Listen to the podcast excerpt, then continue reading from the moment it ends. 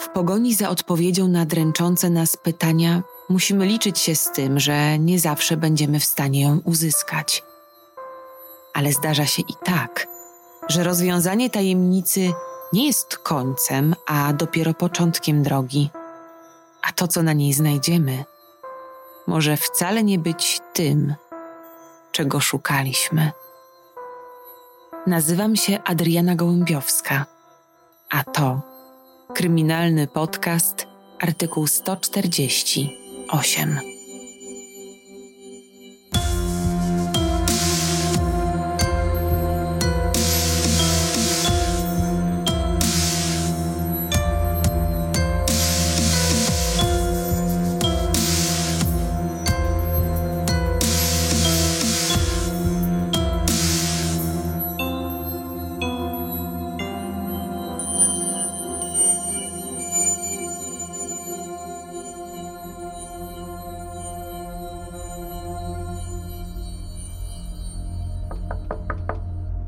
Proszę, odpowiada na pukanie do drzwi swojego gabinetu detektyw Jobertaina.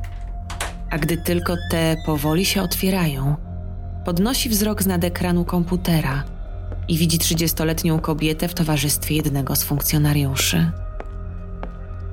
Policjant, stojąc tuż za nią, oświadcza, że to Sherry Calgaro i informuje, że chciałaby zgłosić zaginięcie siostry. Detektyw nie mówi ani słowa – tylko beznamiętnie patrzy w stronę policjanta, czekając na wyjaśnienie, dlaczego to on ma spisać zgłoszenie, choć nie leży to w jego kompetencjach. Ale funkcjonariusz tylko mruga porozumiewawczo, jakby chciał dać do zrozumienia, że wie co robi, po czym zostawia Sherry w towarzystwie detektywa i wychodzi z pokoju.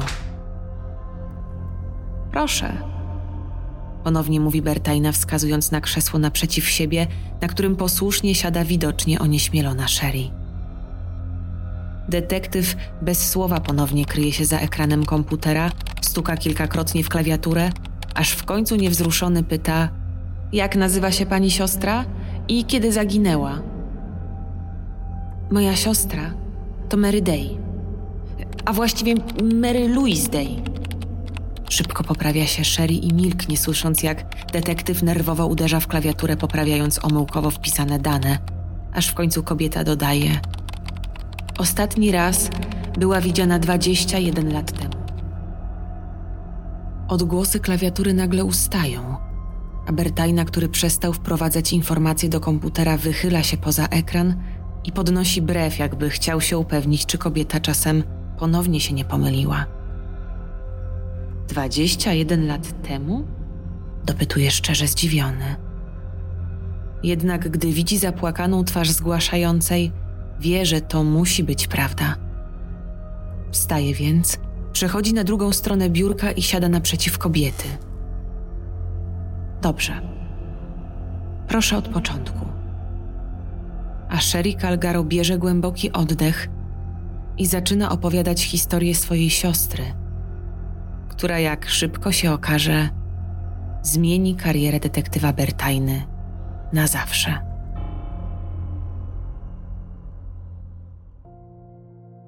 Mary Louise Day urodziła się 19 lutego 1968 roku w Little Falls w stanie Nowy Jork i była najstarszą z trójki córek Charlotte i Charlesa. Dzieciństwo Mary, Katy i najmłodszej Sherry nie było szczęśliwe. Znaczną jego część spędziły w ośrodkach i domach zastępczych. W czasie, gdy dziewczynki zostały odebrane biologicznym rodzicom, Charlotte postanowiła rozwieść się z ich ojcem, jednak bardzo szybko ponownie związała się z innym mężczyzną Williamem Hullem. Była tak szaleńczo zakochana w młodym żołnierzu, że pomimo bardzo krótkiej znajomości, bez wahania zgodziła się zostać jego żoną. W 1975 roku kobiecie udało się odzyskać prawną opiekę nad dwiema starszymi dziewczynkami, jednak nie nad sześcioletnią Sherry, którą w tym czasie adoptowali państwo Calgaro. Gdy w 1978 roku William został przydzielony do bazy stacjonującej na Hawajach, jego żona i dwie pasierbice przeniosły się tam razem z nim. Natomiast rodzina Calgaro wraz z Sherry pozostała w Nowym Jorku. Niedługo po tej przeprowadzce na świat przyszła dwójka biologicznych dzieci Charlotte i jej nowego męża. Syn dostał po ojcu imię William, a córeczkę nazwano Billie Jean. Ojczym, który i tak nigdy nie miał zbyt wiele cierpliwości do pasierbic, z czasem miał jej jeszcze mniej i skupiał się wyłącznie na najmłodszych pociechach.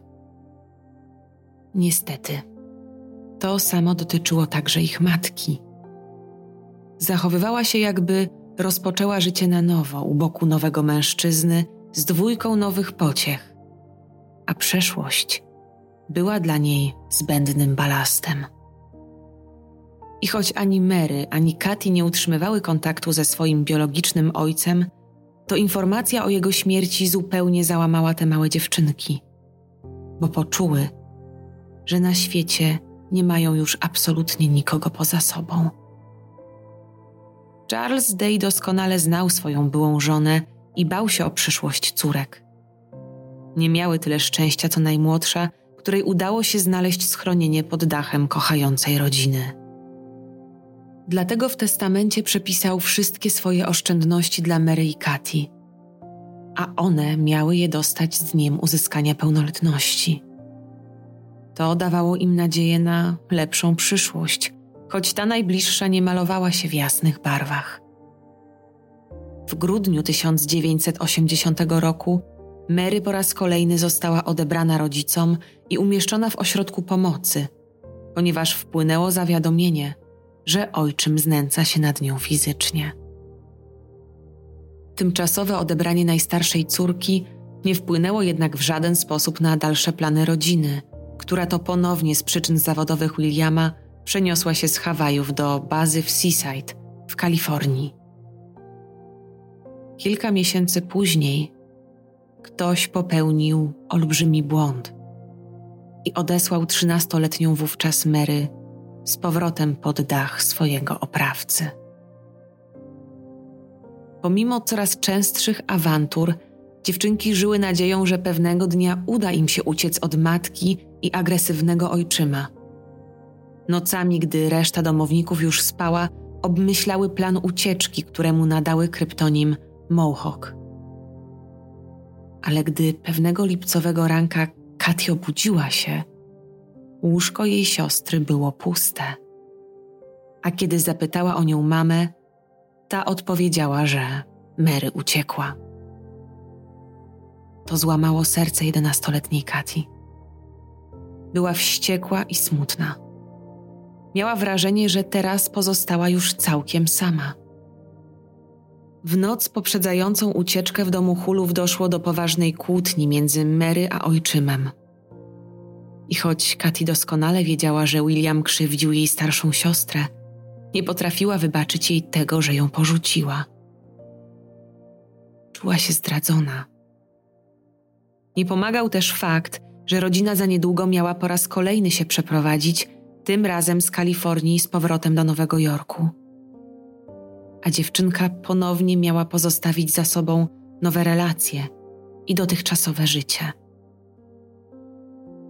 Ale nie tylko Katy czuła się samotna. Młodsza o rok Sherry, choć miała kochających ją ponad wszystko adoptowanych rodziców, bardzo tęskniła za swoimi siostrami. Dlatego państwo Calgaro, dowiedziawszy się o powrocie Hulów do Nowego Jorku, spytali, czy dziewczynki mogłyby się spotkać, a Charlotte na to przystała. Jednak już podczas pierwszej wizyty dziesięcioletnia Sherry zauważyła, że coś jest nie tak. I gdy w końcu była z siostrą sama, zapytała, gdzie jest Mary. Ale Katy tylko syknęła: Cii, nie wolno nam rozmawiać o Mary.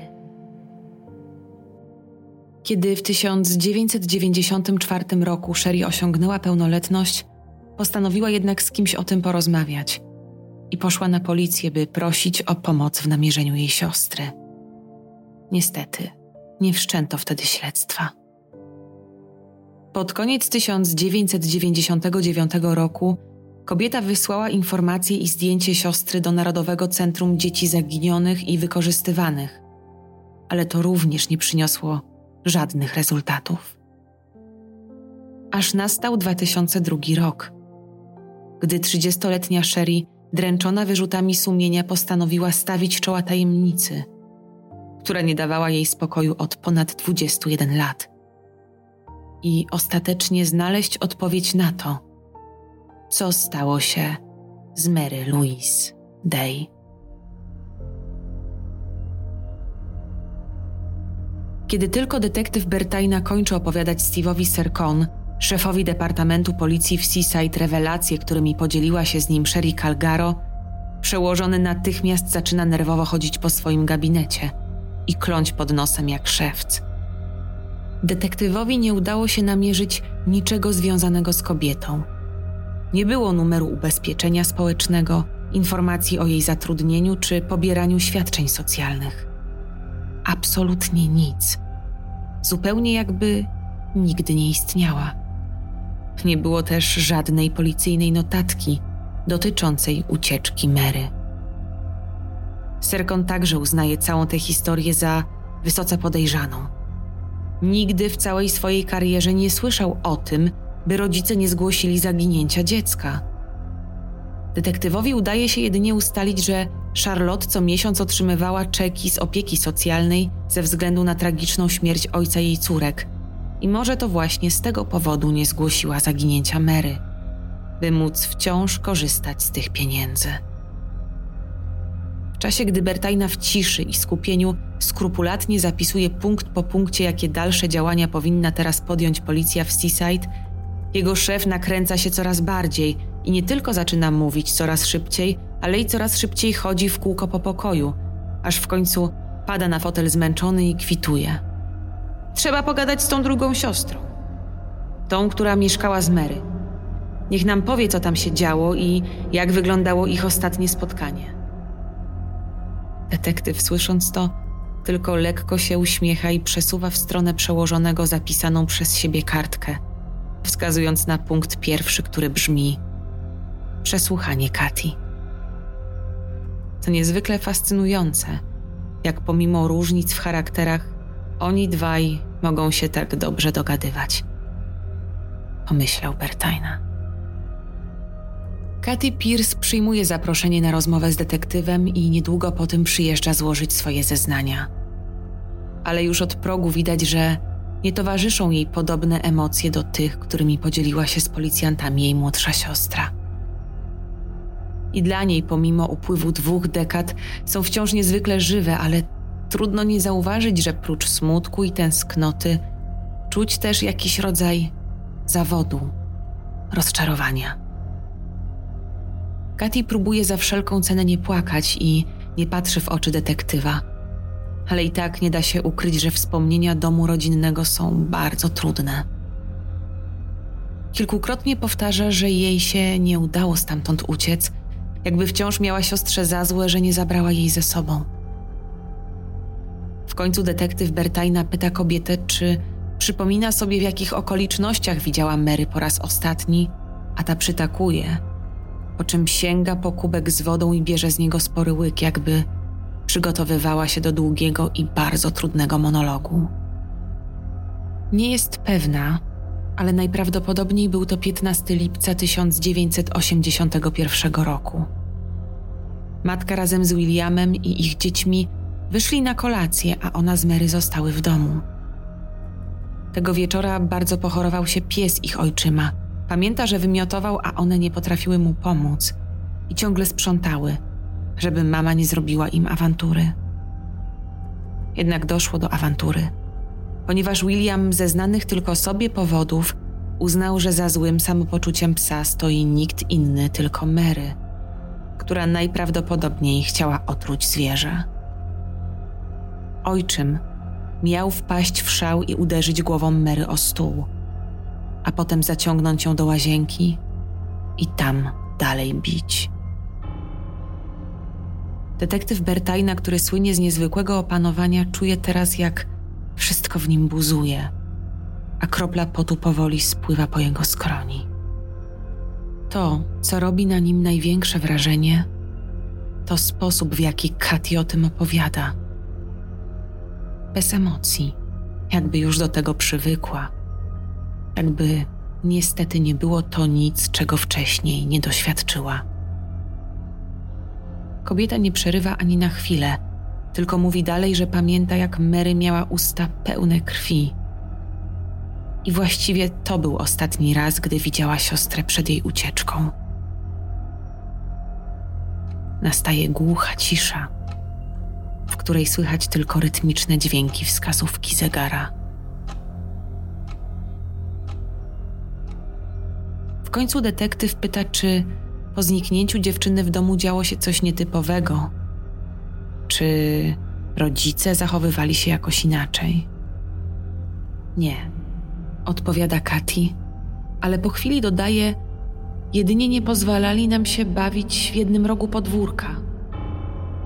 A gdy tylko wypowiada to zdanie na głos, natychmiast łapie się za usta, a łzy strumieniami zaczynają płynąć z jej oczu tak jakby właśnie w tym momencie dotarło do niej, co mogło stać się z Mary Day. Gdy szef Departamentu Policji w Seaside widzi przez okno, że Katy Pierce opuszcza komisariat, pędem rusza w stronę pokoju przesłuchań, którego nie zdążył jeszcze opuścić detektyw. Co mamy? Pyta zdyszany, a Bertajna bierze głęboki oddech i zaczyna przerzucać kartki zapisane podczas przesłuchania, co tylko podkręca niecierpliwość Serkona. W końcu siada z powrotem na krześle i mówi: Wygląda na to, że nie ma co otwierać sprawy dotyczącej zaginięcia, tylko morderstwa. Na te słowa szef wydziału rozsiada się wygodnie na krześle i natychmiast zaczyna zasypywać detektywa kolejnymi pytaniami i teoriami, które już zaczęły kiełkować w jego głowie. Choć nie zawsze zaangażowanie w sprawy Steve'a Serkona jest pożądane, to jednak w tym przypadku przebojowość i upór szefa departamentu skutkuje szybką reakcją.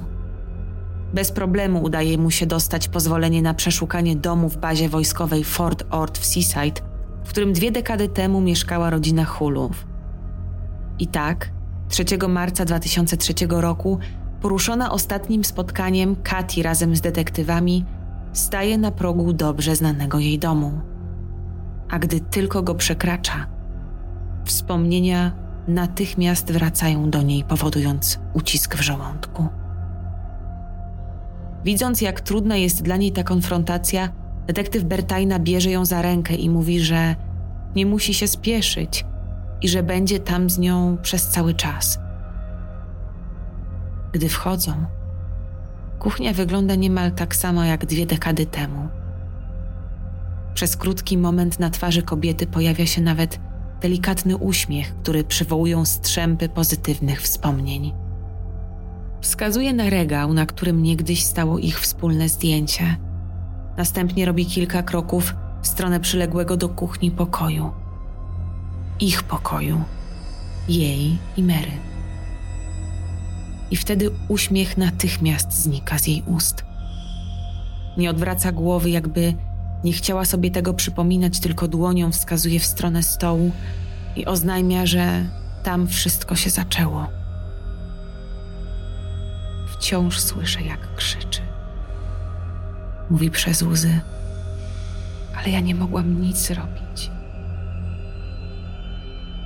Potem Katy podchodzi do okna i wskazuje na róg podwórka, gdzie rośnie drzewo, informując, że to właśnie to miejsce, do którego po zniknięciu Mary nie wolno było im się zbliżać. Katy milknie na chwilę, słysząc trzask otwieranych drzwi. To nikt inny, tylko Steve Sercon, który już tam biegnie. Nim detektywowi udaje się do niego dołączyć, szef departamentu w Seaside już gdzieś dzwoni – a na widok Bertajny zasłania ręką telefon, oznajmiając, że właśnie załatwia psy tropiące. Detektyw wie, że Serkona nic teraz nie zatrzyma.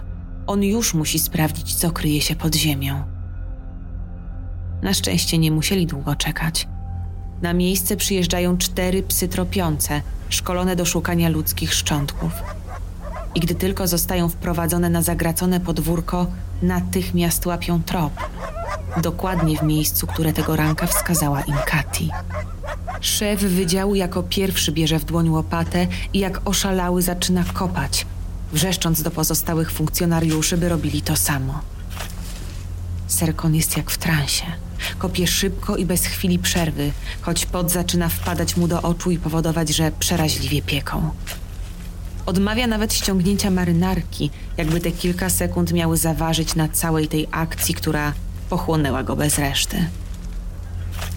I gdy zauważa coś białego wśród czarnej ziemi, jego serce na moment przestaje bić. Pada na kolana i stara się jak najdelikatniej dłońmi odgarnąć ziemię. To but! Wrzeszczy lekko zdziwiony. Mały, zniszczony dziecięcy but, który z największą delikatnością wyciąga i trzyma teraz nad głową, a następnie podchodzi do techników, którzy przygotowują dla niego plastikowy worek na dowody. Kopcie dalej! krzyczy w stronę funkcjonariuszy, zabezpieczając dowód. Tam musi być ciało. Upiera się Serkon.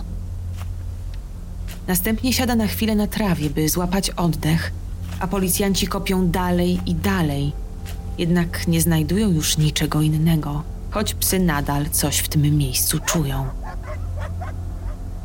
Szef wydziału nie umie ukryć wściekłości i wyładowuje ją na pierwszym stojącym obok niego techniku. One się nie mylą. Nasze psy się nie mylą, tłumaczy zdenerwowany mężczyzna. No więc co? pyta przez zęby Serkon. No więc ciało musiało zostać przeniesione, puentuje technik. Poszukiwania Mary widocznie wpływają nie tylko na przełożonego departamentu, ale i na wycofanego i stonowanego detektywa Bertajne – który bez końca obmyśla, jak najlepiej poprowadzić tę sprawę. Kolejnym koniecznym krokiem jest odnalezienie i przesłuchanie rodziców dziewczynki, z którymi aktualnie nie ma kontaktu żadna z córek. Ale nim do tego dojdzie, detektyw chce jeszcze porozmawiać z byłymi sąsiadami Williama i Charlotte i ewentualnymi nauczycielami zaginionej. Ale jak się szybko okazuje, nikt nie pamięta tej rodziny – a Mary nigdy nie została zapisana do żadnej ze szkół w Seaside. Detektywowi całkiem sprawnie udaje się namierzyć hulów. Wciąż są małżeństwem i aktualnie mieszkają w Kansas, a William nie pracuje już w wojsku, ale w więzieniu, gdzie jest funkcjonariuszem. W głowie śledczego powoli powstaje spójny obraz tego, co mogło wydarzyć się w bazie Fort Ord – ale wie, że muszą być ostrożni. Nie mogą spłoszyć rodziców Mary, bo na razie nie mają przeciwko nim żadnych fizycznych dowodów. Nie chciał więc, by w przesłuchiwaniu brał udział jego niecierpliwy szef, a ten na pewno nie mógłby się temu oprzeć. Dlatego wpada na pomysł, by kobietę przesłuchał miejscowy detektyw, a on w towarzystwie Serkona obejrzy nagranie z przesłuchania i postanowi, co zrobić dalej. Tak, to był dobry plan. Charlotte, zaproszona na rozmowę przez miejscowego detektywa, nie odmawia i zgadza się porozmawiać na temat zaginionej przed laty córki.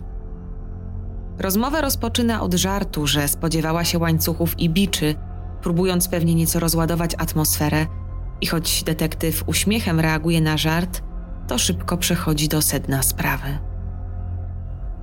Wie pan, życie jest pełne żalu, zaczyna Charlotte. Człowiek myśli sobie, co by było, jeśli bym zrobił to lub tamto. O czym milknie na moment. Oznajmia w końcu, że najstarszą córkę widziała ostatnio w noc przed jej ucieczką – która wtedy nie zrobiła na niej większego wrażenia, ponieważ trzynastolatka ciągle wymykała się z domu. Ile razy uciekała? Wtrąca policjant. Kto by to zliczył? Komentuje Charlotte, jakby ucieczki nastoletniego dziecka nie były niczym odbiegającym od normy lub czymś, czym rodzice powinni sobie zawracać głowę. Zapytana o drugą z córek, Katy, mówi, że nie ma z nią kontaktu, ponieważ wprawiała ją w złość, wypytując przez kolejne lata, dlaczego nie szukają Mary. Miała też buntować przeciw niej córkę z drugiego małżeństwa, Billie Jean, a to nie podobało się ani jej, ani jej mężowi. Choć detektyw czuje wobec matki szczerą niechęć, to z całych sił stara się tego nie ujawniać i przeprowadzić rozmowę jak najlepiej. W końcu to nie jego dochodzenie, tylko kolegów z Kalifornii, a od jego pracy zależy, co z niej wyciągnie i ostatecznie w którą stronę potoczy się śledztwo. Więc tylko potakuje głową i lekko wzdycha, jakby rozumiał, co kobieta ma na myśli. Czy mieszkając jeszcze w Kalifornii, podjęliście Państwo jakieś kroki, żeby ją znaleźć?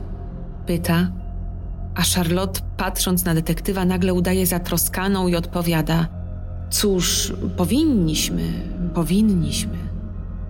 Ale nie zrobiliście tego. Wyrywa się policjantowi. Na to kobieta prostuje się, wbija wzrok w podłogę i mówi: Mój mąż powiedział, że złożył zawiadomienie o jej zniknięciu na komisariacie w Salinas. Może faktycznie tak było, ale ja nie pamiętam. Ucina. Jednak oboje doskonale wiedzą, że nie ma żadnego raportu, który potwierdziłby to zgłoszenie. Kiedy taśma z przesłuchania w Kansas dociera na komisariat w Seaside, szef wydziału każe detektywowi Bertajnie przerwać cokolwiek, czym się teraz zajmuje i natychmiast przyjść do jego biura, by mogli razem obejrzeć tę rozmowę. Gdy pada ostatnie zdanie, Serkon odwraca się w stronę detektywa i oznajmia: Trzeba ich tu ściągnąć i porządnie przesłuchać. Oboje byli szczerze zgorszeni tym, co zobaczyli i tym, co usłyszeli.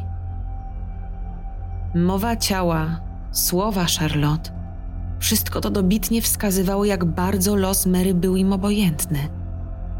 To było tak ordynarne, że aż trudno im było nie spekulować, że za zniknięciem Mary Day kryje się coś jeszcze. Niedługo po przesłuchaniu Charlotte, jej mąż William zostaje wezwany na komisariat w Seaside i zdaje się nie być tym specjalnie zaskoczony. Detektyw Bertajna rozpoczyna przesłuchanie od standardowego pytania, kiedy po raz ostatni widział pasierbicę, a ten natychmiast odpowiada, że Pewnej nocy przed snem chodził od pokoju do pokoju, by sprawdzić, czy wszystko z dziećmi w porządku, i wtedy zauważył, że łóżko Mary jest puste. On i żona mieli zacząć panikować i natychmiast wezwali policję. Kończąc zdanie, wzrusza ramionami, dając do zrozumienia, że to wszystko, co ma do powiedzenia w tym temacie, ale detektyw Bertajna tylko lekko przechyla głowę i nie spuszczając z Williama wzroku mówi: Chwila, chwila. Czegoś tu nie rozumiem. Jak to spanikowaliście? Podobno Mary ciągle uciekała, a potem wracała. Czemu tym razem tak to wami wstrząsnęło? Przesłuchiwany otwiera szeroko oczy i drętwieje, bo właśnie do niego dociera, że nie będzie tak łatwo, jak mu się wydawało. I wtedy detektyw zaczyna pytać mężczyznę, czy może przypomina sobie wieczór, w którym pochorował się jego pies.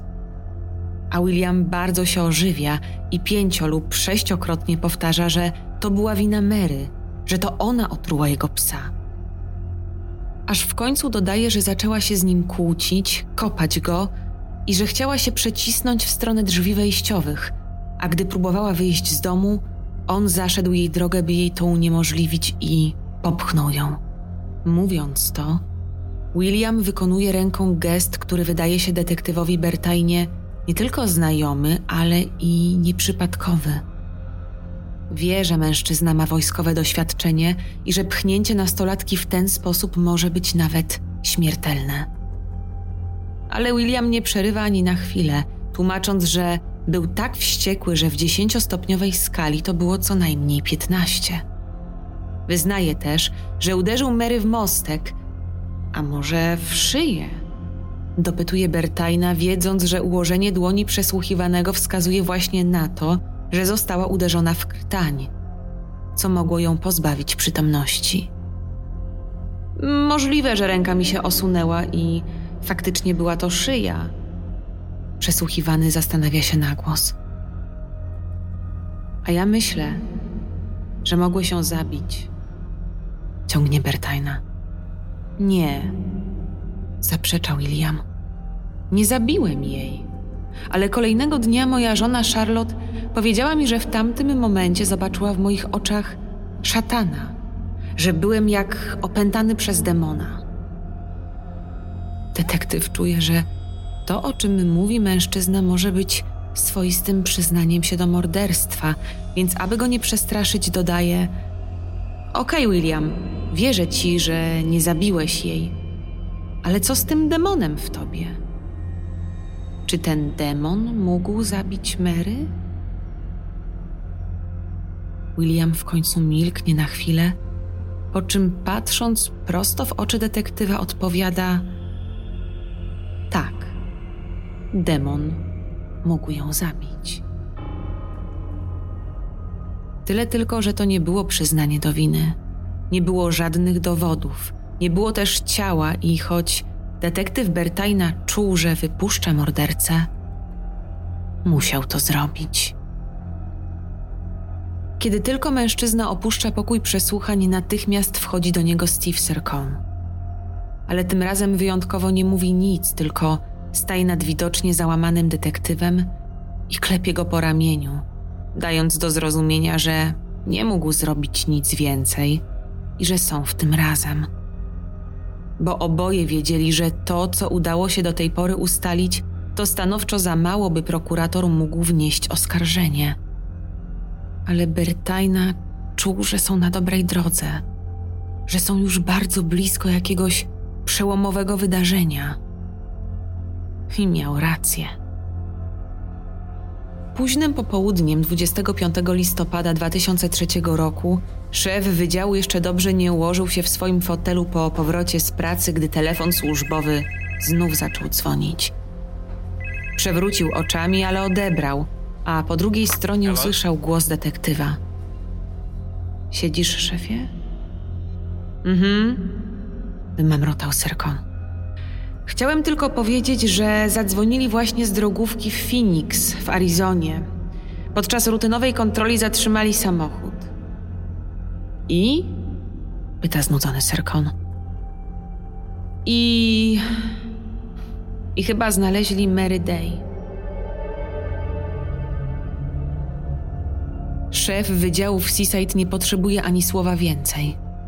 Biegnie w stronę drzwi wejściowych, następnie wsiada do samochodu i z piskiem opon rusza na komisariat. Tam czeka już na niego detektyw Bertajna. I to on teraz chodzi w kółko i powtarza coś pod nosem. To był prawdziwy szok. Przecież jeszcze zaledwie kilka chwil temu obaj funkcjonariusze byli przekonani, że Mary od ponad 20 lat nie żyje, a za jej śmierć najpewniej odpowiadają rodzice. Gdy tylko Serkon wpada na komisariat, już od progu słyszy historię o tym, jak policja w Phoenix zatrzymała ciężarówkę ze skradzionymi tablicami rejestracyjnymi. Prócz kierowcy skontrolowano również pasażerów, a wśród nich była kobieta z dowodem osobistym wydanym przez stan Arizona na nazwisko Mary Day.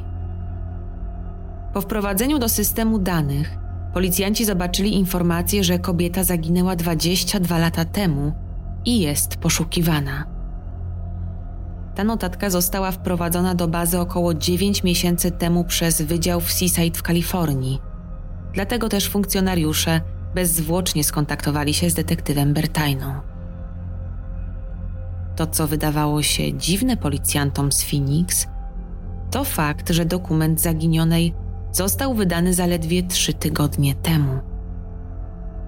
Jadę tam z samego rana, oświadcza detektyw Bertajna.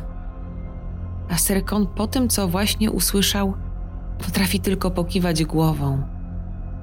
Pierwszy raz w życiu nie ma pojęcia, co powiedzieć.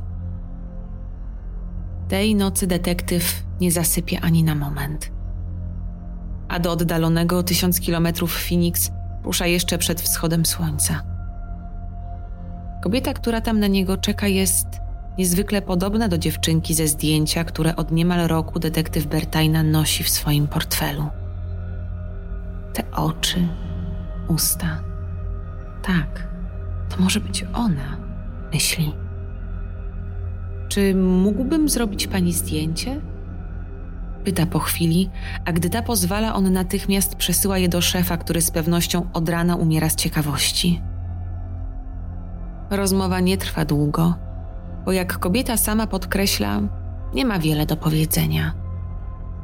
Potwierdza, że jako trzynastolatka uciekła z domu, przez lata nie dawała znaku życia i ukrywała się w obawie, że matka i William ją odnajdą, a piekło, na które była skazana pod ich dachem, powtórzy się. Przesłuchiwana nie chce jednak odpowiedzieć na inne pytania detektywa. Historia, którą przedstawia, jest bardzo pobieżna, pozbawiona jakichkolwiek szczegółów, i choć detektyw jest szalenie zainteresowany losami małej uciekinierki, nie może przecież zmusić jej do rozmowy. A ta po zaledwie kilku minutach daje do zrozumienia, że jeśli policja o nic jej nie podejrzewa i nie ma wobec niej żadnych zarzutów, to chciałaby już zakończyć rozmowę. I wychodzi. Podczas drogi powrotnej detektyw nie może przestać myśleć o tym przedziwnym spotkaniu. Ma niedosyt. I choć sprawa wydaje się być zamknięta, bo odnaleziono zaginioną, to ma dziwne przeczucie, że to jeszcze nie koniec. Otwiera portfel i tuż obok zdjęcia małej Mary Day wciska świstek papieru z odręcznie zapisanym numerem do przesłuchiwanej przez niego kobiety. Gdy późnym wieczorem podjeżdża pod komisariat, jest szczerze zdziwiony, że szef nie wybiega mu naprzeciw. To byłoby przecież w jego stylu. Szybko się jednak okazuje, że ten czeka już na detektywa siedząc za jego biurkiem. Coś mi tu nie gra, wypala Serkon, gdy tylko widzi w drzwiach Bertajnę.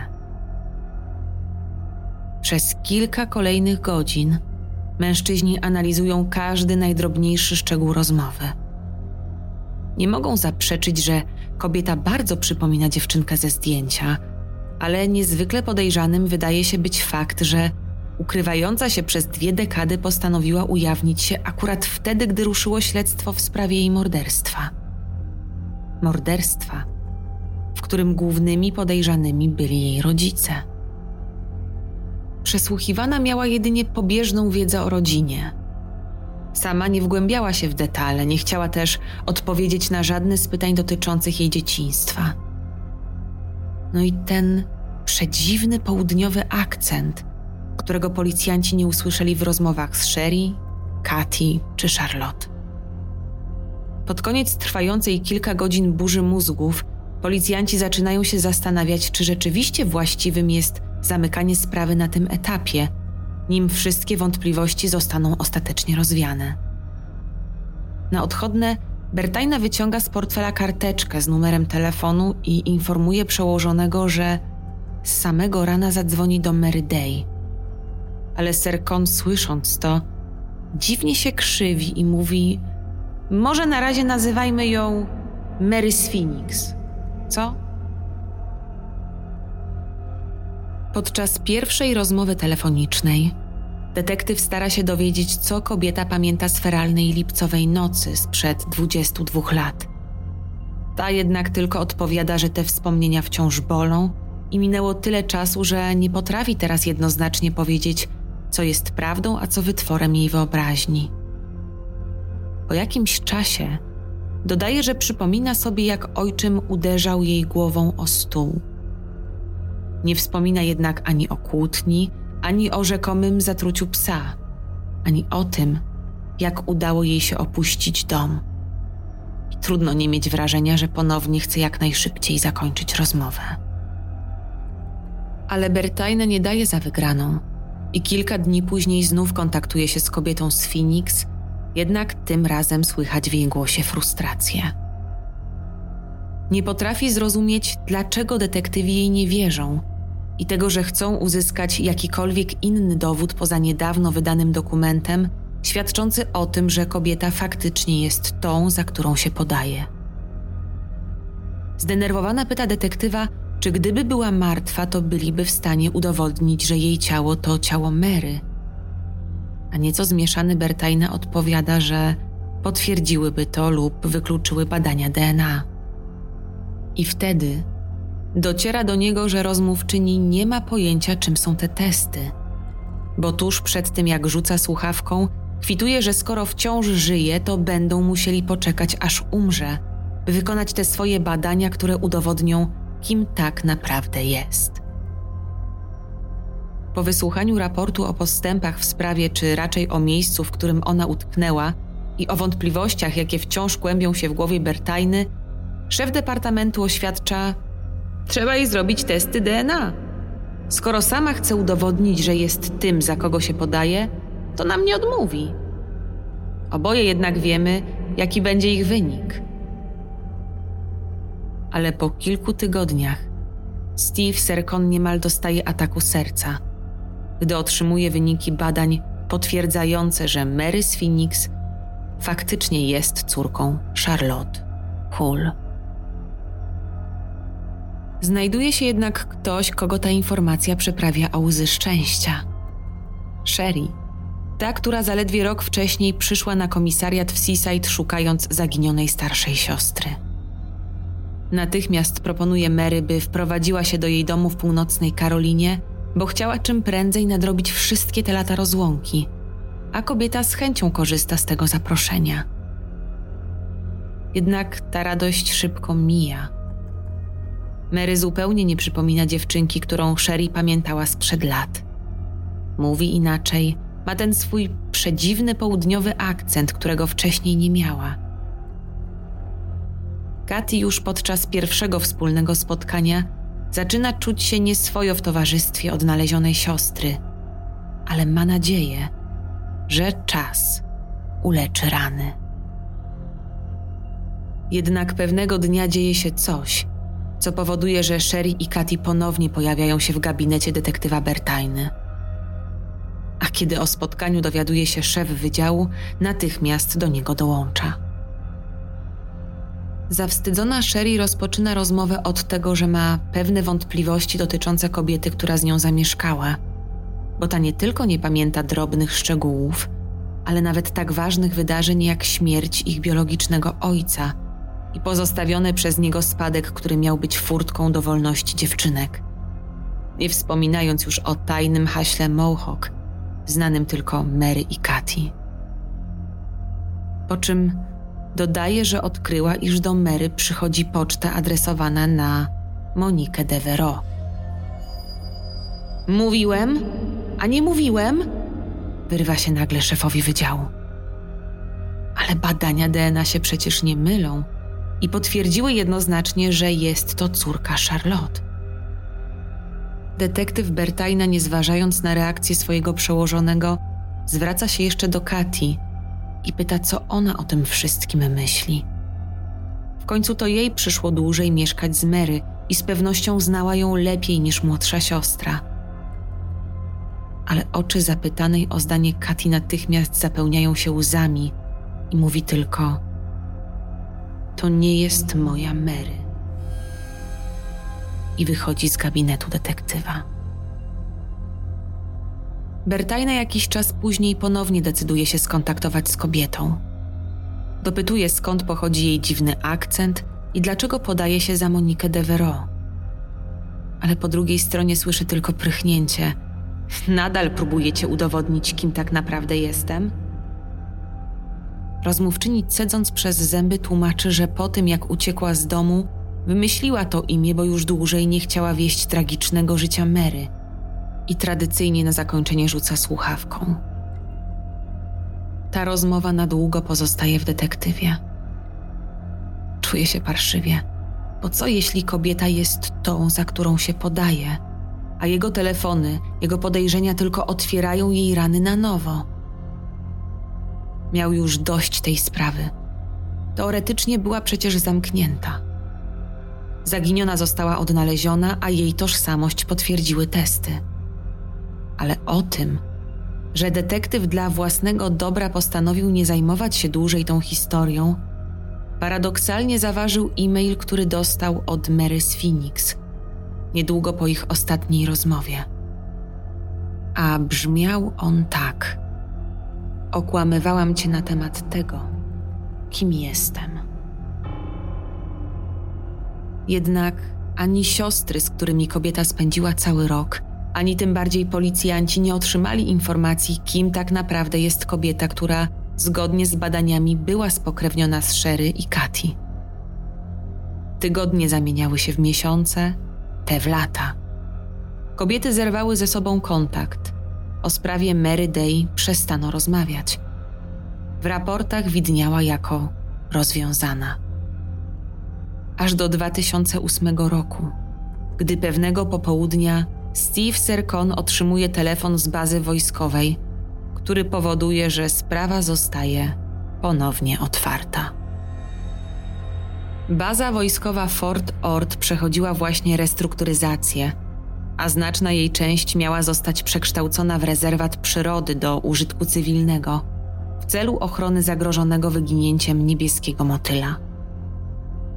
Opustoszałe domy zamieszkałe niegdyś przez rodziny wojskowych czekały teraz na rozbiórkę. Jednak nim miało do niej dojść, cała baza była jeszcze przeszukiwana przez funkcjonariuszy z wyszkolonymi psami, a te złapały trop w ogródku jednego z domów. Nieruchomość tę zamieszkiwał nikt inny, tylko rodzina Hulów. Ale nie był to ten sam, w którym znaleziono dziecięcy but. Był to ich drugi dom, dom, do którego przeniesiono ich na krótko przed przeprowadzką do Nowego Jorku i niedługo po zaginięciu Mary. Serkon słuchał tych doniesień w osłupieniu, a wojskowy, nie wiedząc co myśleć o tej krępującej ciszy w słuchawce, dodaje na koniec: Mamy pewność.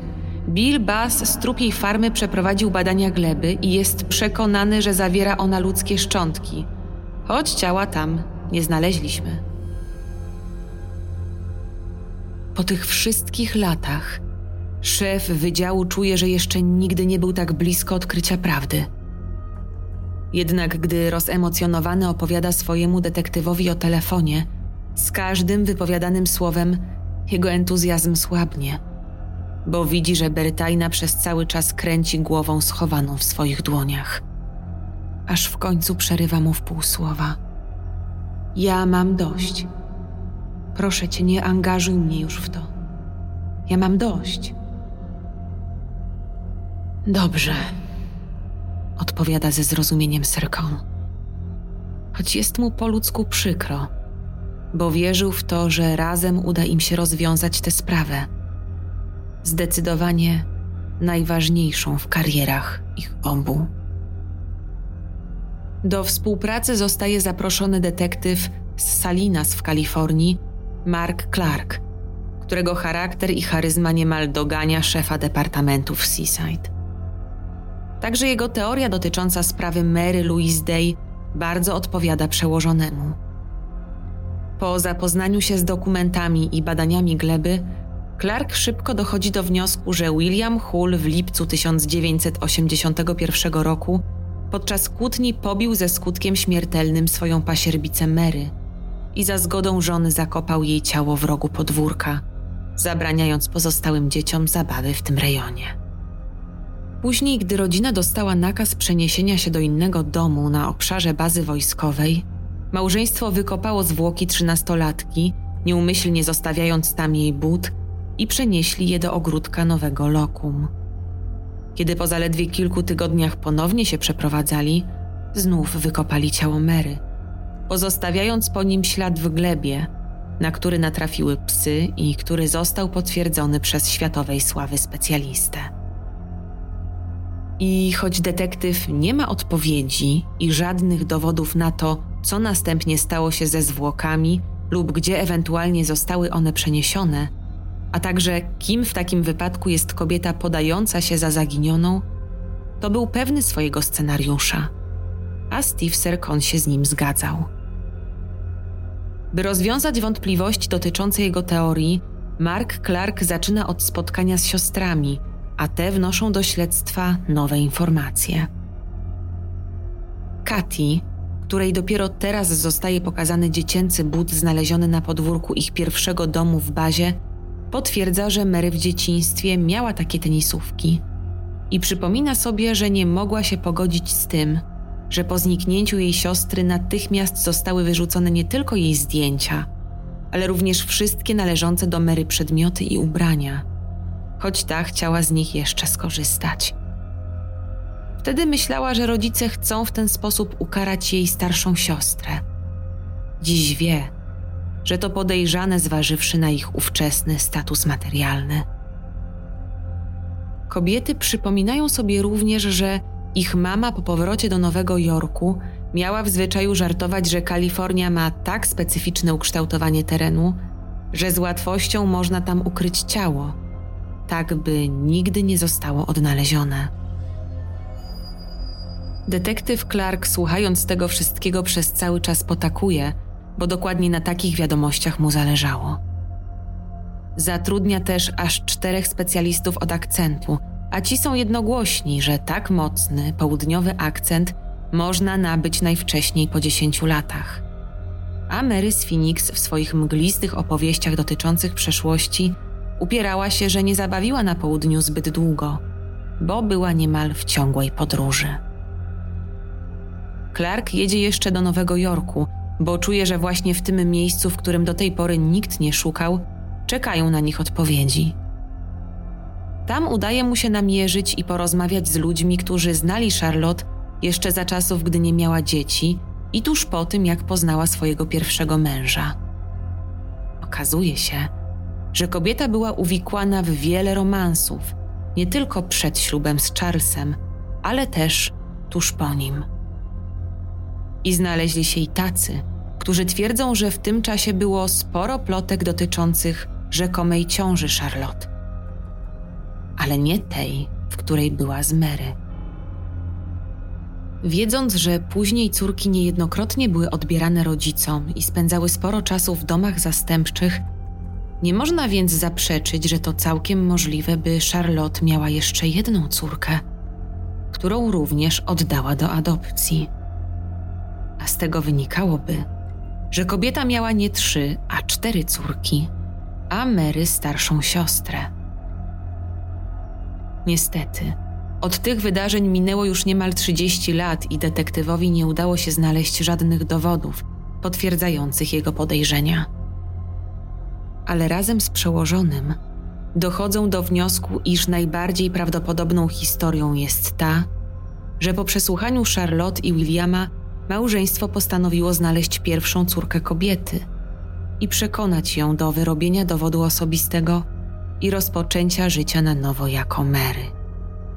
Bardzo możliwe, że do tego posłużył niewypłacony do tamtej pory spadek po ojcu, którego kwota opiewała już na 66 tysięcy dolarów.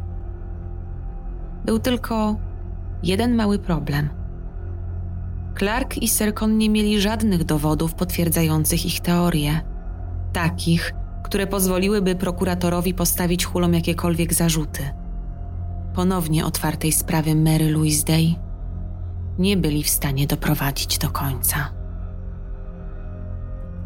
Kiedy w 2017 roku stanowisko szefa Departamentu Policji w Seaside przejmuje detektyw Judy Velos, postanawia przyjrzeć się nierozwiązanym sprawom wydziału, a jedną z nich jest oczywiście sprawa zaginionej dziewczynki z 1981 roku. Niestety na komisariacie nie pracuje już ani detektyw Bertajna, ani emerytowany już były szef Steve Serkon.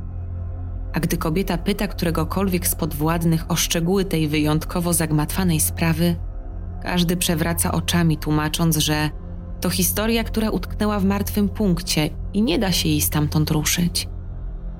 Inni ostrzegają nową szefową, że to jedno z tych dochodzeń, które potrafi złamać karierę, o którym nie można zapomnieć i w którym każdy z prowadzących zatracił się bez reszty.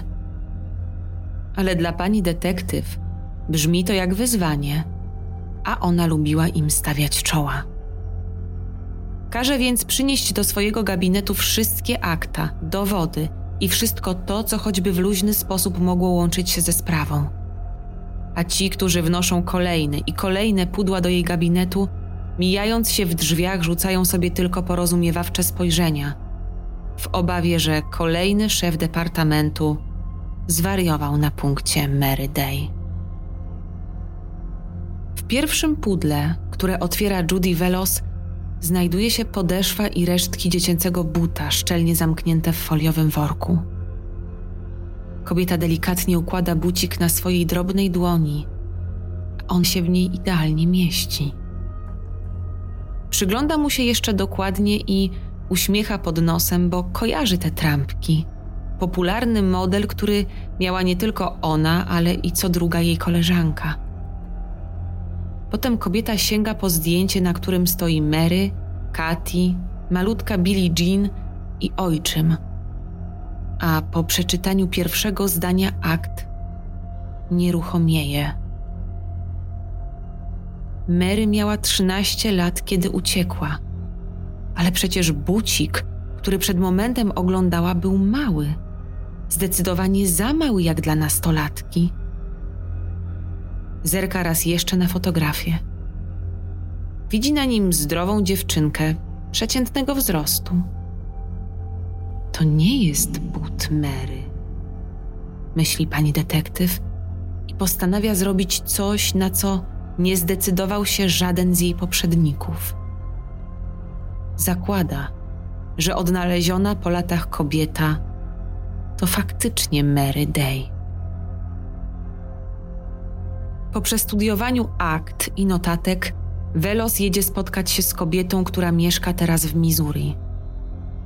Gdy podjeżdża pod podany adres, w progu przyczepy kempingowej stoi Mary, której mizerny wygląd i łysiejąca głowa wskazują na trawiący jej ciało nowotwór.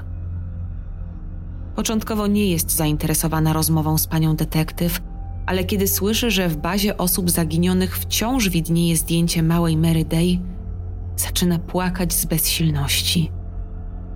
Nie może zrozumieć, dlaczego nikt przez te wszystkie lata nie chciał jej uwierzyć i dlaczego policja wciąż marnuje swoje środki na nią, zamiast szukać innego dziecka, które chce być odnalezione. Ale po raz pierwszy widząc troskę i współczucie w oczach policjantki, postanawia raz jeszcze opowiedzieć swoją historię. Najpierw jednak wspomina o tym, że dosłownie kilka dni wcześniej przyjechała do niej Sherry. Odnalazła jej przyczepę i próbowała zmusić do wyznania, kim tak naprawdę jest, nie przyjmując do siebie wiadomości, że ona faktycznie jest jej siostrą. Judy Velos czuje ogromny ból, gdy słucha o tym, jak ta dojrzała, umierająca kobieta ostatkiem sił próbuje przekonać innych o swojej tożsamości. Mary przyznaje, że niewiele pamięta ze swojego dzieciństwa, ale to akurat nie dziwi funkcjonariuszki. Katy zeznała przecież, że widziała, jak z ust siostry płynęła krew. To bardzo prawdopodobne, że pobicie przez ojca spowodowało wstrząśnienie mózgu, a może nawet zaniki pamięci po tym, jak tłukł jej głową o blat stołu. Mary ma też problem z alkoholem. Ten koił jej cierpienie i pomagał zasnąć, odkąd była nastolatką. Tak bardzo chciałam zapomnieć o tym, co mi robili w dzieciństwie, że w końcu mi się udało. Kończąc zdanie, bierze spory łyk wprost z butelki. Monique de Vero powstała w jej wyobraźni po przeczytaniu jakiegoś romansidła, w którym główna bohaterka nosiła właśnie to nazwisko. Imię Monique wymyśliła sama tak, by inicjały zgadzały się z Mary Day. Nigdy nie miała legalnej pracy. Dorabiała na czarno jako pomoc kuchenna, dlatego nie miała też żadnego ubezpieczenia. Przez rok mieszkała na południu. Możliwe, że stąd ten akcent, który wzbudził tyle sensacji wśród policjantów i sióstr. W 2003 roku dostała zapalenia woreczka żółciowego i potrzebowała pilnej operacji.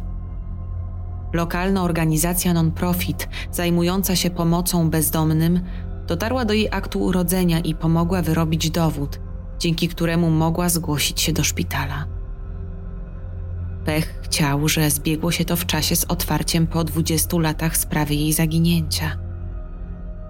Po miesiącach udowadniania całemu światu, że jest tą zaginioną dziewczynką, była już tak zmęczona, że pewnego dnia podjęła desperacki krok i napisała maila do detektywa prowadzącego sprawę, wypierając się tego, kim jest. Chciała już tylko spokoju. To nie ona prosiła o to, by jej szukali. Judy Velos słucha tego wszystkiego w absolutnej ciszy. Nie przerywa. Pozwala jej mówić, bo widzi, jak wiele wysiłku ją to kosztuje. Ale gdy Mary na moment milknie, by odpocząć, ta nie może się powstrzymać przed zadaniem kobiecie pytania, jak przez te wszystkie lata udało jej się przetrwać bez niczyjej pomocy. A Mary szybko odpowiada, że był ktoś, kto jej pomógł. Była to Maureen Meyer. Velos zapisuje to nazwisko, jednak widzi, że trwająca 90 minut rozmowa jest dla Mary wycieńczająca. Dziękuję jej za poświęcony czas i na moment bierze w ramiona.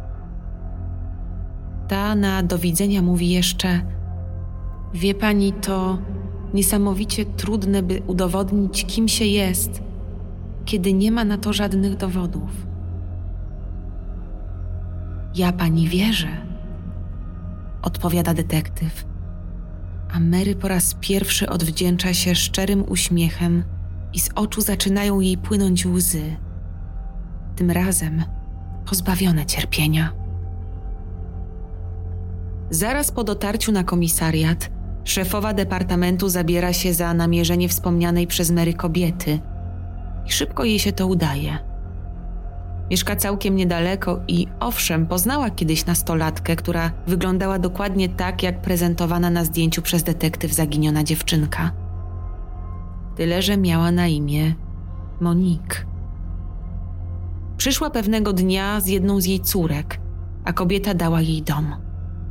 Nie zadawała pytań, nie chciała niczego wiedzieć, bo zdawała sobie sprawę z tego, że to dziecko, które przeszło przez piekło. Mieszkała z nią i jej dwiema córkami przez rok, aż pewnego dnia wyszła z domu i nigdy już nie wróciła. Kilka dni później na skrzynkę mailową detektyw Velos przychodzi wiadomość ze zdjęciem od kobiety, która lata temu dała schronienie bezdomnej nastolatce. Widnieje na nim Maureen, jej córki i Monique Devereaux. Miała wtedy 15 lat, choć w opinii poprzednich detektywów od ponad dwóch lat miała nie żyć. Zdjęcie zostaje natychmiast wysłane do specjalisty, który po porównaniu fotografii małej Mary, 15-letniej Monique Devereaux i zdjęcia z dowodu osobistego kobiety nazywanej Mary z Phoenix oświadcza, że po dokładnej analizie komputerowej na 99% jest to ta sama kobieta. Detektyw Judy Velos nie może się doczekać, by podzielić się tą informacją z Katy i Sherry, ale gdy tylko kończy rozmowę z kobietami, telefon dzwoni ponownie, a uśmiech schodzi z twarzy szefowej departamentu policji. Mary Day odeszła zaledwie dziewięć dni po ich rozmowie przegrywając walkę z nieuleczalną chorobą. Nie było pogrzebu, a jedynie pochówek, na którym obecny był tylko kapłan. Po śmierci Mary detektyw Velos oficjalnie zamknęła sprawę, twierdząc, że kobieta, która uciekała przed swoją przeszłością pod pseudonimem Monique, tak jak utrzymywała, była zaginioną Mary Louise Day. Detektyw postanowiła podzielić się wnioskami ze swoim poprzednikiem i ku jej zdziwieniu Steve Serkon przyznał, że zdjęcie piętnastolatki jest w jego opinii niepodważalnym dowodem na to, że Mary nie została zamordowana. Detektyw Bertajna nie odpowiedział na jej maila, jakby już dawno zdał sobie sprawę z tego, że dał się zwieść własnym wyobrażeniom i temu, w co chciał wierzyć, obierając przy tym zły kurs w dochodzeniu ale nie każdy zdawał się być przekonany. I choć Sherry twierdziła, że zagadka zaginięcia jej siostry ostatecznie została rozwiązana, dając jej odpowiedzi, których szukała od lat, to jednak nawet nie udała się na pogrzeb kobiety, którą gościła w swoim domu przez niemal rok. Katy do dziś uważa, że osoba, którą poznała w 2003 roku, to nie była Mary. I tego samego zdania jest detektyw Mark Clark. On wciąż uważa, że kobieta tylko udawała swoją młodszą, zamordowaną przez ojczyma siostrę, a w rzeczywistości była to szalenie podobna do Mary Monique Devereaux, która lata wcześniej miała również zostać porzucona przez Charlotte. I kiedy zadowolona z dobrze wykonanej pracy pani detektyw pakuje ostatni karton z dowodami w sprawie Mary Day, słyszę nagle dźwięk informujący o otrzymanej wiadomości. Judy, teraz zostało ci już tylko wyjaśnić, kogo pogrzebali w swoim ogródku Hulowie. Bo oboje wiemy, że psy się nie mylą. Z pozdrowieniami, Steve Sercom. Koniecznie daj znać, co sądzisz o tej sprawie. Pozostaw po sobie jakiś ślad. Polub, skomentuj, zasubskrybuj. Do usłyszenia już wkrótce.